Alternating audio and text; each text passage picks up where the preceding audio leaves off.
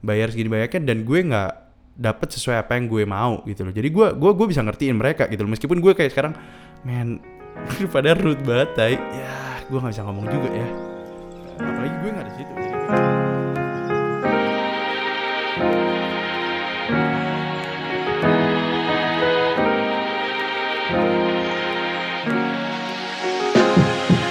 Hey everyone, welcome back to PSK pada suatu ketika season 1 episode 20 if I'm not wrong. Yang gue gak salah sih. Anyway, hey, welcome back pada Sophie yang baru pertama kali hadir di sini. Gue mau ngucapin welcome karena di sini lu bakal belajar banyak hal, I guess, but ya gue nggak tahu ya.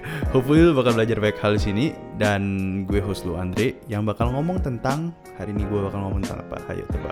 Sebenarnya lu udah lihat di judulnya sih, jadi gue pura-pura kayak gini rada useless anyway uh, jadi gue bakal ngomong tentang sebuah festival yang lu pada udah sangka sebelumnya. Gue yakin lu pada udah tahu sih sebenarnya festival ini. Apalagi kalau lu ikutin trending topik gitu ya especially in Twitter gitu gue yakin lu pada udah tahu ada festival yang was such a mess uh, yang netizen pikir kayak gila ini festival cacat banget kacau banget. Sebenarnya nggak sekacau itu sih sebenarnya. Jadi uh, gue mau nanggepin aja sih tentang festival itu uh, gue nggak bermaksud ngebela juga sih but hey let's talk about it aja. Kayak netizen yang padahal gue nggak pernah pergi ke, ke festival itu tapi gue ngebacot aja. Tuh kan nggak pernah pergi ngebacot. Anjing netizen banget but anyway yes gue bakal ngomong tentang lalala lalala like last week last weekend uh, gue dapet dua orang actually. Salah satunya adalah uh, dari pihak bukan manajemen sih dari uh, dari vendornya. Uh, dan salah satunya lagi seorang temen gue yang pergi ke situ. Kalau belum kenal strawberry. Ya si Isti jadi pergi tuh. Dia udah dua bulan nggak ketemu doi kan. Jadi dia kemarin pergi ke Bandung buat Uh, lalala apparently cowoknya gak, gak di Bandung cuy waktu itu cuy. Kasihan banget sih si Isti but anyway dia sharing cerita banyak tentang uh, lalala uh, dan ya gue nanggepin aja sih. Jadi pada suatu ketika. Jadi pada suatu ketika waktu itu sebenarnya gue ngebil temen gue sih.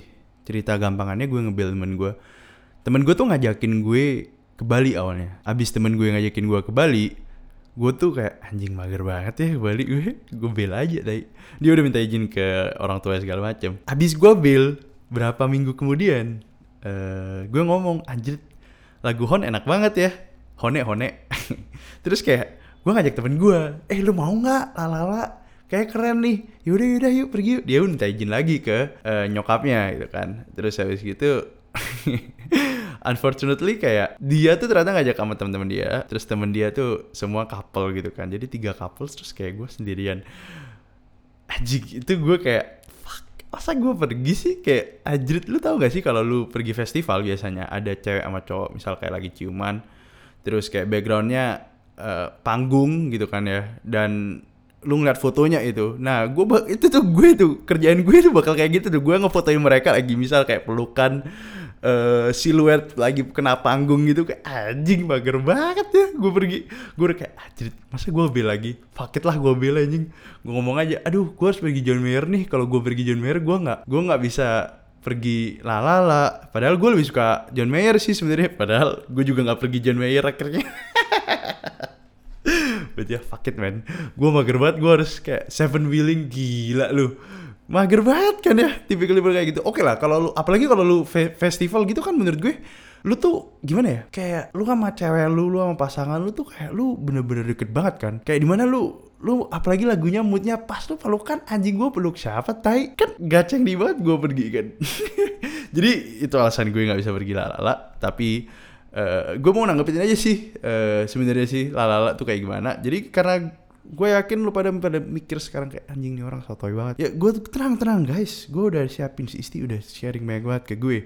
Jadi podcast kali ini kayaknya lebih panjang dari biasanya. Kayaknya sih pasti kayak gitu. Sumpah si Isti tuh kalau ngechat ya kalau dia jelasin sesuatu itu panjang banget cuy. Kayak gue yakin dia kalau ada essay suruh nulis kayak seribu kata gue yakin dia udah tiga ribu kali waktu dia mau kerjain gitu. Gila cuy detail banget gue salut banget loh sama si Isti. Oke jadi gue podcast kayaknya rada panjang ya sorry ya. Jadi ini gue bacain nih gue minta kan si Isti is interview chat dong tentang lalala terus ya tanya-tanya. Terus ya gue bilang halo Isti gimana kabarnya? Anjir ada banget. Kemarin ke Lalala ya gimana? Ada tanggapan nggak mengenai eventnya? Terus ya si Isti akhirnya cerita nih halo kabar baik. Ya kemarin ke Lalala Fest nih. Ini masih di Bandung sampai tanggal 28 nggak kuat pulang masih capek nggak hilang-hilang. Gara-gara habis hiking di Lalala. Nggak kalah bercanda bercanda nggak kok emang mau stay lama di Bandung. Event Lalala keren sih konsepnya menurut aku. Dari event dia yang pertama aku udah pingin banget ke Lalala sampai aku tulis di di bucket list untuk harus keturutan ke Lalala Fest. Lalala Fest ya. Gue gue gue suka pusing lu takut kelebihan. Dan alhamdulillah keturutan tahun 2019 ini kalau orang-orang pada tertarik karena line up-nya kalau aku emang tertarik sama konsep acaranya Forest Festival. Keren banget kan? Dan kebetulan kemarin line aku suka banget Hon. Dan ada band baru yang aku juga suka sih Summer Dose Summer Dose nih Iqbal woi. Jadi lanjut lagi nih. Banyak sih yang aku suka tapi karena aku yang telat karena berangkat dari Surabaya-nya mepet jadi banyak yang kelewat nggak aku tonton. Udah gitu karena di, dari Surabaya naik kereta tenaga udah kekuras nih. Terus macet di jalan menuju Cikole. Cikole Cikol apa sih baca ya tahi cikul so Inggris banget tahi. terus sampai parkiran naik ojek lagi sekitar 2 kilo ke venue. Itu pun cuma bisa sampai depan. Ke atasnya naik lagi sekitar 2 sampai 3 kilo. Kita kan jalan kaki tuh. Bener-bener tenaga abis di situ. Jadi pas nonton konsernya udah lemes dulu duluan. Untung udah makan walaupun cuma junk food McD simpang dago kuliner wajib Bandung. Anjing sumpah gue terakhir Bandung gue makan hokben tai. Uh, seneng sih karena bisa mewujudkan bucket list. Asik dan ya cukup tahu aja sih sama La La La Fest. Hehe. Kalau ditanya tahun depan mau balik lagi atau tidak, kayaknya aku mau deh. Tergantung partner nonton aja. Jujur itu itu yang paling efek sih. Kayak tadi gue tujuh orang tiga tiga pasangan gue sendiri. Tai nggak banget tai. Jadi dia dia ngomong terakhir ada kejadian-kejadian yang mengganjal sih yang aku alamin di Lala Fest kemarin. Uh, ya tahu kan chaosnya event ini gimana dari komen di IG-nya Lala dan hashtag di Twitter. Kacau sih. Oke, terus akhirnya gue ngomongin nih gue tanya pertanyaan kedua. Jadi rencana stay sampai tanggal 28 bener-bener karena kangen di Bandung kangen Bandung bukan kangen si doi yang tinggal di sana kan ya. Terus gue kasih kayak smiley face gitu terus habis gitu kayak jadi based on your story nih kayaknya lu positif banget ya sama ama eventnya dan nggak senegatif yang media omongin sebenarnya. Nah, lu sendiri kan tadi bilang lu aware di isu-isu yang terjadi di sana kan ya. Jadi apa emang di media orang-orang pada lebay atau emang lu sendiri ngerasa chaos gitu. Kalau emang lu ngerasa chaos, bisa jelasin nggak salah satu momen yang ngebuat lu mikir kayak, oke okay, ini event lumayan masalah ya. Nah habis itu sih jelasin panjang banget nih gue suka nih. Ini bagus sih kontennya, lu pada harus dengerin. Oke, okay, hahaha kangen sih tapi yang disamperin malah nggak di Bandung anjrit kasihan banget. Uh, terus dia bilang gak sepositif itu juga sih. Itu caraku menikmati dan tidak menyesali aja karena ya udah lewat gitu loh. Mau marah juga ya udah tinggal gak usah datang lagi next eventnya dia. Gue setuju nih. Ya dari bangun tidur setelah event itu sampai hari ini aku masih setia mantengin komen di akun IG dan hashtag lalalafest di Twitter. Ngerasa chaos? Iya banget banyak hal yang nggak dikasih tahu sebelumnya padahal mereka bisa mengumumkan itu di akun Instagram mereka. Dan aku yang aku dan orang-orang ini keselin itu bukan perkara yang nggak bisa dikontrol oleh panitia gitu loh. Bukan cuaca hujan lumpur dingin. Bukan itu itu di luar kendali manusia. Gue setuju nih gue suka nih orang-orang kayak gini nih. Tapi manajemennya mereka dari awal nih ya tiket exchange yang aku baca dari pengalaman orang yang dari Bali nukurin sebelum hari H udah antri tahu-tahu pas jam 7 malam antrian ditutup gitu aja gitu. Terus di gitu aja dan harus nukerin langsung di venue-nya besok. Kan kasihan dia dari tadi udah antri. Yang kedua adalah parkir mobil jauh banget. Harga parkir 50 ribu sampai 100 ribu. Dari situ nunggu shuttle kelama kelamaan. Dia bisa-bisa tuh. Macet. Oke naik ojek ke atas 25 ribu. Yang katanya kerja sama sama grab la. Tapi tampaknya justru kerja sama sama opang ojek pangkalan. Yang ketiga, waktu aku nukerin tiket ke Band kan lagi antri panjang si mbak mbaknya ketawa ketawa ketawa ketiwi sama teman sebelahnya yang ngebiarin data-dataku ini sampai satu menit ya. Buang waktu banget ini antrian di belakang masih banyak dan gitu ada yang ngeluh juga di twitter tentang scan bar barcode pakai koneksi internet. Ya kan susah sinyal jadi agak lama gitu loh buang waktu lagi setelah dapat wristbandnya, masuklah ke Gapura menuju venue. Ada pilihan jalan atau naik shuttle. Berhubung udah excited, jalan aja lah. Shuttle macet pula. Di situ dikasih minum vitamin C gitu. Dari pihak sponsor. Enak tuh minuman. Terus ada yang dapat soy soy joy bar juga. Aku nggak dapet tuh titik. Kasihan banget. Sepanjang jalan nggak ada tempat sampah. Botolku ya aku pegang walaupun udah habis. Terus pas udah kehabisan, gila gue cerita kayak storytelling banget ya. Padahal gue nggak ngerti loh emosinya isti itu gimana. Oke gue lanjut nih.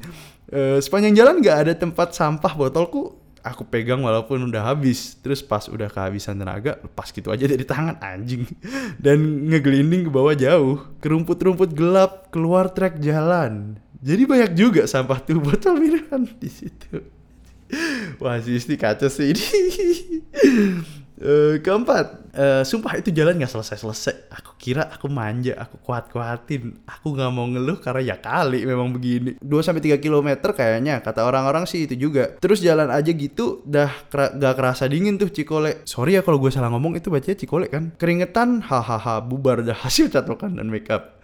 Sebelnya nggak dikasih tahu jalannya nanjaknya berapa kilo sebelumnya. Banyak yang pada belum makan juga. Eh, di IG dia cuma bilang harus dalam keadaan yang fit bener-bener harusnya dikasih tahu estimasi kilometer jalan kakinya gitu loh. Dan yang paling banyak keluhannya kan di situ ya hikingnya kan ya. E, kelima nih. Masuk venue tas diperiksa ada barang yang nggak diperbolehkan disita parfum rokok dan lain-lain. Oke lah maklum emang sudah emang udah dikasih tahu sebelumnya gitu.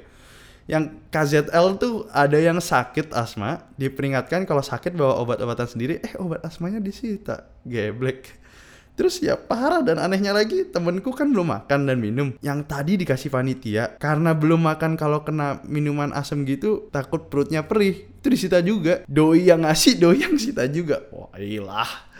Terus sampai dalam jarak stage satu kliennya cukup jauh tuh. Eh, Panggungnya kecil-kecil kecuali yang lalala stage. Kacian sama artis yang tampil di panggung kecil-kecil itu. Hujan mulai melanda, masih santai aja. Oh ya, pas masuk tuh sempat makan dan minum di resto gitu yang memang ada di Orchid apa deh? Oke, ya itu daerah itu. Jadi kayaknya bukan bagian dari event. Tak lumayan mahal tapi masih mikir wajar aja karena tempat wisata. Yang gila pas temen aku beli minuman di situ air mineral doang 33.000 ribu. Anjrit mahal banget. Kalau pakai uang cash 100 ribu dapet tiga harus beli tiga. Antriannya juga gila antrian tolnya juga. Selama si keras tampil selama itu pula antriannya. Selera buat foto-foto nggak ada. Udah males tenaga udah habis di perjalanan kan ya. Oh ya jadi dari masuk venue tadi eh, yang nanjak 2 sampai 3 kilo itu kita turun lagi sekitaran 1 sampai 2 kilo untuk menuju panggung utama. Terus kalau mau beli makanan dan minuman katanya agak repot soalnya harus pakai debit mandiri atau imani kan. Ada yang mau top up imani katanya udah nggak bisa karena apa gitu aku lupa di Twitter tuh aku baca chaos lah. Harusnya tetap bisa cash atau gimana gitu loh. Ah kalau dia sendiri nggak bisa kasih solusi. Banyak line up yang ketinggalan ketonton. Untung Summer Dews dan Honnya masih uh, dapat walaupun pas Hon main udah lemes gila. Terus ya ya aku terpisah dari squadku yang cuma dua orang itu. Kasihan banget tuh. Aku beneran sendiri pas tapi guys please quality over quantity ya. Jadi kalau temen lu dikit yang penting deket semua mah it's okay. Oke gue lanjut lagi. Aku beneran sendiri pas nonton Hon. Sinyal nggak ada sama sekali. Jadi percuma sih lalala menggembar gemborkan lalala squad. Tapi kalau sinyalnya kacau gini, bener-bener saya parkiran pulang aku sendirian smiley face. kita ketemu di mobil tuh akhirnya soundnya kacau. Ada yang bilang kayak speaker simbada dia di rumah.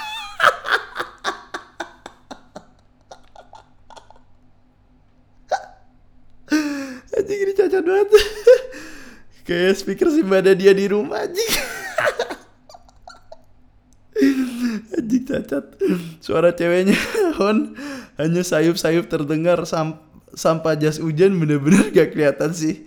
Si tong sampah sama kayak krunya jarang kelihatan. Dah gitu aja keluhanku sisanya baca-baca di Twitter dan komen IG aja. Eh, yang awalnya keselku bisa dipendem terus ternyata banyak banget yang sepemikiran sama aku. Itu merasa diwakilkan aja tiap baca-baca komen mereka sih. Anjing. Yang si badan sih tai banget sih anjing aduh bego sih sih mah. Uh, jadi di, di sini lu pada udah ngerti gak sih kira-kira kayak ceritanya gimana uh, apa yang terjadi di situ gitu kan? Kalau lu pada belum jelas sebenarnya ada gue udah baca berita banyak banget kan. Terus gua gua gua pilih aja nih gua gua simpulkan dari apa yang gue dapat dari Isti gue baca di uh, Instagram. Itu semua ada di satu uh, post punyanya seseorang namanya di Medium ya. ID-nya tuh Wailan Wailan Rawung Oke, Eh, judulnya konsep saja tidak cukup sebuah pelajaran dari kekacauan Lalala Fest uh, 2019 hashtag Lalala fail hashtag PR fail uh, hashtag EO fail. Jadi di blognya dia dia ngomong kesalahan kesalahan-kesalahan gitu. Bukan kesalahan sih dia lebih ke arah kayak kekecewaan gitu kan ya. Ya siapa kita? Kita bisa bilangin salah. Well gua nggak tahu sih ya. Kecewa lebih tepatnya. Asik. Uh, jadi dia bilang yang pertama adalah jadi dia bilang dia nyamain ini sama Fire Festival. Konsepnya kuat tapi ujung-ujungnya semuanya cuma omong kosong gitu kan ya. E, mungkin bedanya adalah kalau Fire Festival nggak jadi, ini jadian gitu ya. Masih mending lah ya, please. E, Oke, okay, jadi dia ngomong berapa poin di berapa poin ini gue bacain aja poin-poinnya simple ya. E, tolong diingat. biar gue nggak repot-repot lu pada tiba-tiba hilang gitu kan tapi kalau lu pada dengerin lagi di mobil lagi santai ya nggak apa-apa dengerin aja oke okay, kesalahan pertama tuh lokasi event berada di sumber kemacetan uh, jalanan di Lembang tuh hanya dua jalur dan itu jalan sama akses utama menuju ke Tangkuban Perahu. Jadi bayangin aja 11.000 orang pingin pergi ke venue-nya Lalala Fest 2019 dan ada wisatawan lokal yang mau pergi ke Tangkuban Perahu. Jadi lu pada bisa bayangin nggak kaconya gimana itu 11.000 plus tempat wisata. Yang kedua adalah tidak ada koordinasi untuk mengakomodir event yang dihadiri 11.000 orang dengan kepolisian dan warga setempat. Jadi uh, ada ojek dadakan yang minta 50.000 kan ya di jalan-jalan Lembang gitu kan. Banyak jadi kacau aja sih sama orang-orang sekitarnya gimana. Tiketingnya dia bilang poin ketiga lah walaupun memiliki partner dari dua perusahaan teknologi PIC tiketing masih manual gitu loh. Jadi ini gue mau bahas ntar di akhir-akhir kesalahan mereka di sini. Tiketingnya mereka kan masih manual yang tadi Isti udah ceritain yang mereka harus tukerin semua wristband terus udah gitu kayak masih lama prosesnya kan. Keempat alur event amburadul di mana dia harus jalan 2 kilo. Ya tadi Isti bilang deh. Atau dia nunggu shuttle yang nunggu dua jam gitu kan ya. E, habis gitu sound di panggung utama total fail. Terus dia bilang ya kalau outdoor tuh susah ya. Kalau outdoor tuh bener-bener sound lu harus harus sip harus senyap kalau nggak lu kacau banget anjing gue sotoy banget Uh, enam tidak tidak jalannya Grab Now, shuttle dan kemacetan lebih dari 10 kilo. Jadi dia ngomong tentang macet lagi, tentang transportasi sih ya yang paling bikin orang marah. Yang ketujuh no littering they said where the F is the trash can. Dia bilang kurang trash cannya. Yang terakhir eh ini terakhir bukan sih? Dia ngomong no signage to put where you are. Uh, jadi dia mungkin nggak ada uh, apa sih ya? Kayak sense of kayak taruh tempat oh habis dari sini lu pergi ke mana? Habis gini gitu loh kayak kurang bisa diarahin aja sih mungkin ya dari desain tempatnya sih orang harus ke mana. Mungkin kurang peta juga dia bilang di sini kan ya jadi kayak nggak nggak apa ya nggak tahu lu di mana temen lu di mana meeting pointnya di mana. Jadi ya ini ini ini masalah-masalah yang yang yang udah lu denger tadi apa yang terjadi ala ala kalau lu mau lihat lebih lanjut lihat di Twitter tuh lucu banget sih. Banyak banget hashtagnya lu cek aja. Itu orang-orang bikin meme orang Indo bikin meme ngakak-ngakak gitu. Uh, tapi setelah gue tahu ini masalah gue konfirmasi sama salah seorang temen gue yang dia jadi uh, vendor di acara lalala ini. Dia minta ini diskret banget tuh. Gue ngomong sama dia uh, dia bukan tipe orang yang oh iya gue gue nggak peduli. Dia masih peduli sama lalala sendiri. Dia bilang dia ada kayak sense of belonging kayak uh, ini masih acara gue anggapannya kan. Terus gue tanya pendapat lu gimana tentang event ini sendiri? Uh, dan dia sendiri sih sebenarnya nggak bisa kasih jawaban apa-apa karena satu dia belum evaluasi sama tim gitu. Jadi kayak dia belum evaluasi sama semuanya. Dia belum tahu secara general gimana. Yang kedua adalah dia dia sendiri kayak terlalu fokus sama eventnya to the point kayak dia dia nggak nggak ada masalah gitu. Dia nggak pernah perhatiin hal-hal ini gitu loh. Dan yang ketiga adalah mungkin gue gua gua mungkin kepikiran sih apakah sebenarnya tuh bagian manajemen juga karena terlalu fokus sama acaranya jadi mereka nggak gitu uh, aware sama apa akan adanya isu-isu ini. Yang ketiga adalah ya dia uh, most of the issue kan emang datang dari transportasi kan. Sedangkan temen gue ini yang dia bisa dibilang vendor di acara ini kan otomatis dari pagi udah di situ. Jadi dia bilang kayak gue dari pagi udah di situ terus gue pulang gue pulang terakhir. Jadi gue nggak ada masalah di transportasi gue gitu loh. Jadi kalau mungkin dengan adanya twitter hashtag ini jadi lala lebih sadar sih ya lebih ada homework gitu kayak oh ya I have uh, these things to do buat next year. Kalau lu lihat di di di internet gila men. Ini orang-orang bener-bener ngata-ngatainnya parah banget. Kayak ini yang sampai kayak what a shame lah fest. Menurut gue man, uh, you don't have to be that mean, but I don't know. I mean like gue nggak bisa ngomong juga kayak oh lu jangan sejahat itu men. Soalnya kenapa? Kayak most of them bilang kayak oke okay, gue gue udah bayar segini banyaknya gue udah kasih salah satu weekend di hidup gue bayar segini banyaknya dan gue nggak dapat sesuai apa yang gue mau gitu loh. Jadi gue gue gue bisa ngertiin mereka gitu loh. Meskipun gue kayak sekarang man pada root banget tai. ya gue nggak bisa ngomong juga ya.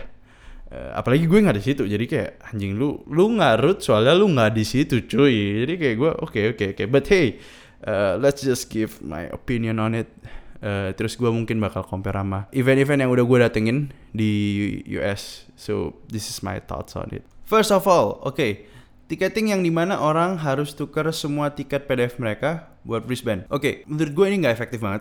Kalau lu di US itu biasanya kita di kalau lu lihat Coachella, UMF, EDC, or any music festival tuh lu di US lu bakal dikirimin wristbandnya dari awal. Lu misal kayak lu mereka biasanya kayak Coachella gitu mereka biasanya buka udah kayak 8 bulan sebelum mereka punya acara. Jadi lu in which lu udah dapet uh, wristbandnya langsung gitu tapi kalau Coachella lu nggak mungkin dapat last minute sih tapi kalau event-event kecil gitu lu mungkin masih dapat kayak uh, kalau di US tuh ada gue ref biasanya apa sih tai escape sih biasanya gue pergi di LA itu. Itu tuh lu kalau lu pergi event itu lu masih bisa ada tiket sampai detik-detik akhir. Nah biasanya kalau orang udah beli seminggu sebelumnya itu lu harus ngantri. Lu harus tukerin uh, tiket PDF-nya itu buat wristbandnya. But kalau lu udah pesen jauh-jauh hari lu langsung dikirimin aja tiketnya gitu loh nggak harus tuker-tukeran. Dan uh, setelah gue tahu dari Isti Isti kasih tahu gue kalau ternyata VIP pun giveaway semua semua harus tuker. Can you imagine 11,000 people loh harus tukerin tiket mereka? Dan gue yakin aduh bukan cuma orang Indonesia semua orang sih di dunia ini kalau mereka udah tukerin tiket mereka pasti tukerinnya like two days three days before the event gitu. Nggak mungkin kan mereka pasti dari seminggu sebelumnya nukerin menurut gue nggak masuk akal banget. Uh, jadi ini preventable banget dengan cara mereka kirim wristbandnya duluan ke alamat orangnya lewat JNE ke or I don't know. Jadi nggak harus 11.000 orang itu tukerin tiket. Kalau emang mereka maupun kayak oke okay, gue mau nih gue pingin banget uh, semuanya tetap harus tuker tiket. Jadi gue nggak harus ngurus-ngurus JNE Tiki segala macem deh. Gak perlu gue ngurus kayak gituan. Ya udah nggak apa-apa. Asal lu bikinnya tempatnya harus lebih banyak lagi dong. Kalau mereka harus nunggu dua jaman gitu loh. Tapi gue dulu pernah lebih parah sih nunggunya. Dua jam itu itu pun udah kayak tiga jam gue nunggu kalau salah. Tapi gue potong sih akhirnya. Oke okay, balik lagi nggak nyambung anjing. Tapi intinya uh, dua jam sebenarnya menurut gue masih buat nu waiting for your ticket pretty reasonable sih. Salah lu juga gitu loh. Lu lu tukernya di peak hoursnya juga gitu kan. Jadi ya ya kalau lu emang ngerasa orang Indonesia ngerasa oh ini lama banget gue harus nunggu 2 3 jam buat nunggu tiket uh, segala macem dan tiketnya ada yang udah ngantri dari hari sebelumnya dan itu pun dikat tiba-tiba waktu jam 7 malam. Menurut gua oke okay, waktu lu udah ngantri gitu lu cut tiba-tiba orang pasti marah men. Uh, meskipun lu udah ngomong mungkin lu udah ngomong jadwalnya kayak atau gimana mungkin mereka aduh mereka pasti bete sih. Menurut gua kalau emang lu mau bikin cara kayak gini lu buka 24 jam 3 hari sebelumnya ya atau lu mungkin extend sampai jam 12 malam gitu. Jadi orang lebih salah mereka sendiri oh ya ya udah jam 12 gitu. Mereka masih sebel. Kalau jam 7 kan mereka kayak anjing udah jam 7 lu udah tutup gitu. Kenapa jadi ya well uh, eh, gue lebih suka caranya kalau lu udah kirim wristbandnya dari awal. That's my, in my opinion that's the best way to send your tickets to get your ticket sih. But hey, kalau mereka pingin cara lain ya mau gimana lagi gue kan ya. Oke, okay, the second one. Parkiran jauh dan shuttle bus yang lama ngebuat orang jalan 2 sampai 3 kilo kan. Or nunggu 2 jam buat shuttle itu. Gue gue baca di Line Today, apparently oh sorry dari kumparan. Uh, dia bilang Oke, okay, kami memberikan ini dari dari ini ya, dari uh, PR-nya, PR manajernya Lalala. Dia ngomong kami memberikan shuttle package dari Universitas Pendidikan Indonesia UPI ke venue. Tapi meski udah kami permudah, masih banyak yang bersikeras membawa kendaraan sendiri. Dan terdapat Oke dia ngomong uh, pihak penyelenggara sendiri telah menyediakan tiga area parkir untuk mengunjung Lalala Festival 2019 ada tiga tempat parkir tuh dia jelasin. Terus yang lanjutannya dia bilang dan terdapat fasilitas shuttle gratis yang sudah kami sediakan dari kantong parkir ke venue. Tapi karena macet jadi ngeraknya agak lambat. Oke, oke, oke. Jadi di sini lu pada udah ngerti kan? Karena aksesnya cukup sulit dan hujan besar, jadi memakan waktu sekitar 10-15 menit dari yang biasanya untuk pengangkutan penumpang. Oke, uh, sebenarnya mereka udah usaha. So I respect that. Mereka udah usaha gimana caranya mereka minimalisir kendaraan sendiri kan ya. Kalau masalah macet, masalah macet sih gue uh, gue event semua event gue di US juga semuanya macet gitu. Jadi kayak kalau lu misal tiba-tiba orang-orang ngomong kayak oh ya macet nih gue harus nunggu 2 sampai tiga jam gitu. Well menurut gue salah lu sendiri. Gue yakin gue yakin kalau lu misal acaranya lu lu datang dari pertama kali buka gitu sore sore lu udah datang lu nggak mungkin kena macet gitu kan. Maksud gue ini nggak Pre- ini preventable banget, nggak cuman dari eventnya doang loh, dari IO-nya doang, dari lalalanya doang. Ini preventable banget kalau misalkan lu datang lebih early. Kalau lu misalkan ngomong gua kayak, oh ya, gua harus nunggu 2 sampai 3 jam dan lu datangnya ya lu datangnya jam 6 jam 7 gitu waktu event udah peak-peaknya ya pasti lu nunggu lama, pasti antrian panjang gitu. Lu mau event uh, Coachella kayak Tomorrowland terserah lu apa pun event itu kalau lu udah peak hours kalau misalkan uh, DJ tuh biasanya misalkan kayak tempat-tempat gue biasanya sampai jam 2 itu tuh jam 8 jam 9 udah DJ bagus gitu. Jadi kayak kalau lu tunggu jam 8 jam 9 lu masuk jam jam 8 lu baru ngantri lu pasti ngantrinya 2-3 jam men. Jadi kayak ngantri itu pasti ada. Jadi menurut gue kalau lu harus nunggu 2 jam buat shuttle pas peak hour pas lagi mau yang bagian shift yang bagian bagus-bagus ya pasti lu nunggu. Jadi ah, gue nggak bisa nyalain ini ke 100% ke pihak lalala soalnya menurut gue uh, ya ya salah lu sendiri. Dan harusnya lu udah expect gitu. Kalau kecuali gue nggak tahu lalala udah kasih tahu belum kalau jalannya bakal macet gitu? Uh, setahu gue lalala udah kasih tahu. Tapi yang salah di situ adalah lalala kalau salah bilang uh, jalannya cuma 10 menit terus kayak banyak yang komplain 2 sampai 3 kilo ujung-ujungnya dan mereka capek banget udah nyampe atas. Jadi ya well what can I say kan ya kalau kayak kayak gitu ya. Salah informasi juga. Coba ngomongnya kayak oh ya jalannya agak jauh gitu terus udah ditakut-takutin dari awal. Mungkin hasilnya outcome-nya bakal beda aja sih menurut gue. Uh, but yes that's my thoughts on uh, parkiran jauh segala macam. Ini maksud gue preventable banget. Oke yang ketiga adalah harga makanan mahal dan tidak diperbolehkan makanan dan minuman dari luar. Jadi gue kemarin ngomong sama vendornya yang gue bilang tadi temen gue yang vendor ini temen gue apparently dia waktu gue tanya tentang hal ini temen gue juga bilang oh kita juga nggak boleh bawa sih kru kru di sini kita nggak boleh bawa. Tapi kita milihnya bener. Jadi dia bilang gini ya gue menurut gue dia nggak defensif sih dia cuma being rational gitu lu pergi ke airport juga semua makanan di airport lebih mahal gitu. Lu pergi ke sinema, semua makanan di sinema lebih mahal. Lu pergi ke any event, semua makanan di situ pasti lebih mahal. Dan sekarang kalau misalkan lu expect di sini murah juga enggak gitu. Dan sekarang kalau lu misal minta marah karena aqua tiga puluh ribu, lu tahu nggak bir itu cuma lima puluh ribu. Ya, lu beli bir aja lu lebih untung. masuk akal gak? masuk akal aja menurut sih cuy tapi bikin gendut tai oke habis gitu dia ngomong ya gue yakin nih kalau yang masalah makanan itu yang marah sebenarnya bukan semua orang gue yakin yang marah tuh orang-orang yang pesen mie sedap mie sedap tiga puluh ribu. Lu tahu nggak lu bisa dapat burger atau stick lima puluh ribu itu kenapa lu beli mie sedap? Menurut gue nggak mahal-mahal banget sih. Ini menurut gue cuman lu pesen burger di McD juga sekitar lima puluh ribu itu menurut gue ya lu pinter-pinteran lu aja pilih makanannya. Masuk juga sih menurut gue. Ya anjing kalau gue tahu kayak gitu ngapain lu pesen mie sedap tai? Anjing bego banget anjing yang pesen mie sedap. Anjing gue nggak bisa ngomong ya gue jujur aja kalau sekarang sih gue udah kangen mie sih ya. Jadi mau ngomong apa tadi jadi uh, untuk masalah makanan gue lebih nyalain siapa? Well gue nggak mau nyalain sih. Tapi gue cuman lebih ke arah kayak hey uh, pilihan makanan pasti lebih mahal. Just that lu pilihnya lebih benar aja sih. Kalau misalkan lu expect makanannya semurah di luar tuh udah pasti nggak mungkin kan ya. Tapi kalau emang aqua tiga puluh ribu itu menurut gue uh, specifically gue ngomong aqua ya nih ya. Aqua tuh air mineral yang nggak nggak nggak harus merek aku ya gue nggak dibayar aku kan lagi tai uh, gak harus gak harus aqua jadi kayak air mineral menurut gue harus affordable banget yang semua orang itu minuman paling sehat yang lu semua orang pasti butuh itu itu uh, jadi even di US aja harganya kayak nggak nyampe tiga puluh ribu jir paling sedolar, sedolar setengah, dua dolar paling mahal. Ya itu itu tuh US loh, bayangin aja loh. Jadi menurut gue oke okay, itu lumayan kasus sih di situ ya. Okay, so that's the third one, and then the fourth one is little things. Little things are pretty annoying. Contohnya dia ngomong nggak ada sinyal dan kurang jelasnya you are here sign.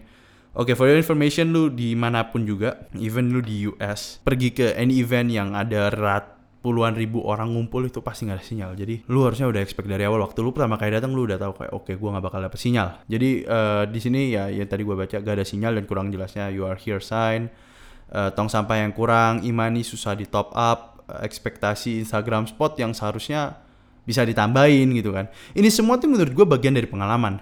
Dari how well do you know your audience gitu.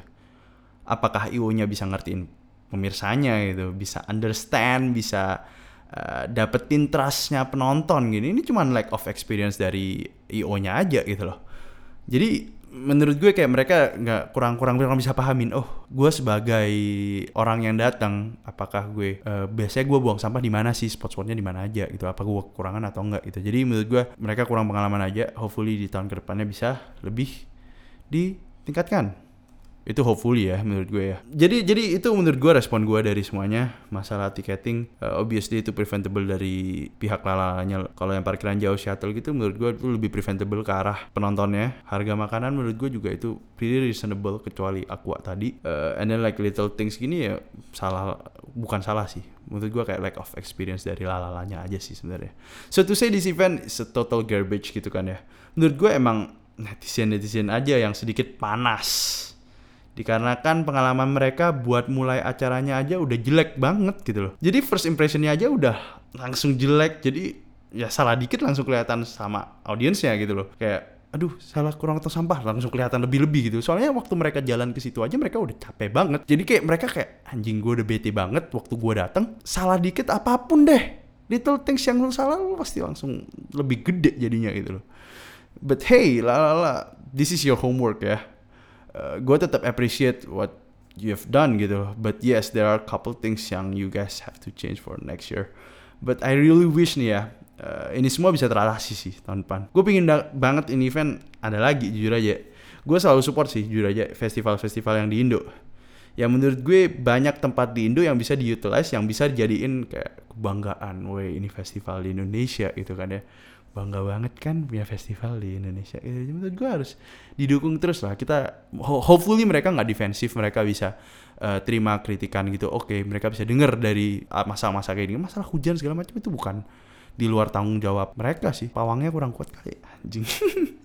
Biasanya kayak gitu tuh, pawangnya kurang kuat. Tapi ya menurut gue juga uh, gas 100% salahnya lalala juga karena emang orang-orangnya juga orang Indo tuh belum siap nerima hal ini. Mereka belum bayangin aja dulu tuh nggak ada loh. Zaman dulu tuh nggak ada kayak event-event yang kayak ginian. Mereka tuh kayak zaman bonyok gue nggak tahu festival-festival kayak gini jarang banget. Sekarang udah ada With The Fest DWP lalala gitu kan ya. Yang dulunya tuh nggak ada karena sosial media gede wah ini tempat bagus ya transportasi lebih gampang oh ya terbang terbang nonton di mana kayak di Bali Jakarta di Bandung gitu kan menurut gue orang Indonesia belum siap aja tentang hal ini jadi mereka nggak expect kayak misal kayak uh, gak ada sinyal mereka harus nunggu lama waktu peak hours gitu kan buat ngantri shuttle, buat ngantri masuk. Jadi belum siap aja sih sebenarnya sih orang-orang Indonya dengan festival ini. Menurut gue eventually kalau udah siap, dua-duanya ya, lalalanya juga belum siap nih dari kayak gimana caranya gue bisa puasin audiens. Jadi dua-duanya punya kekurangan.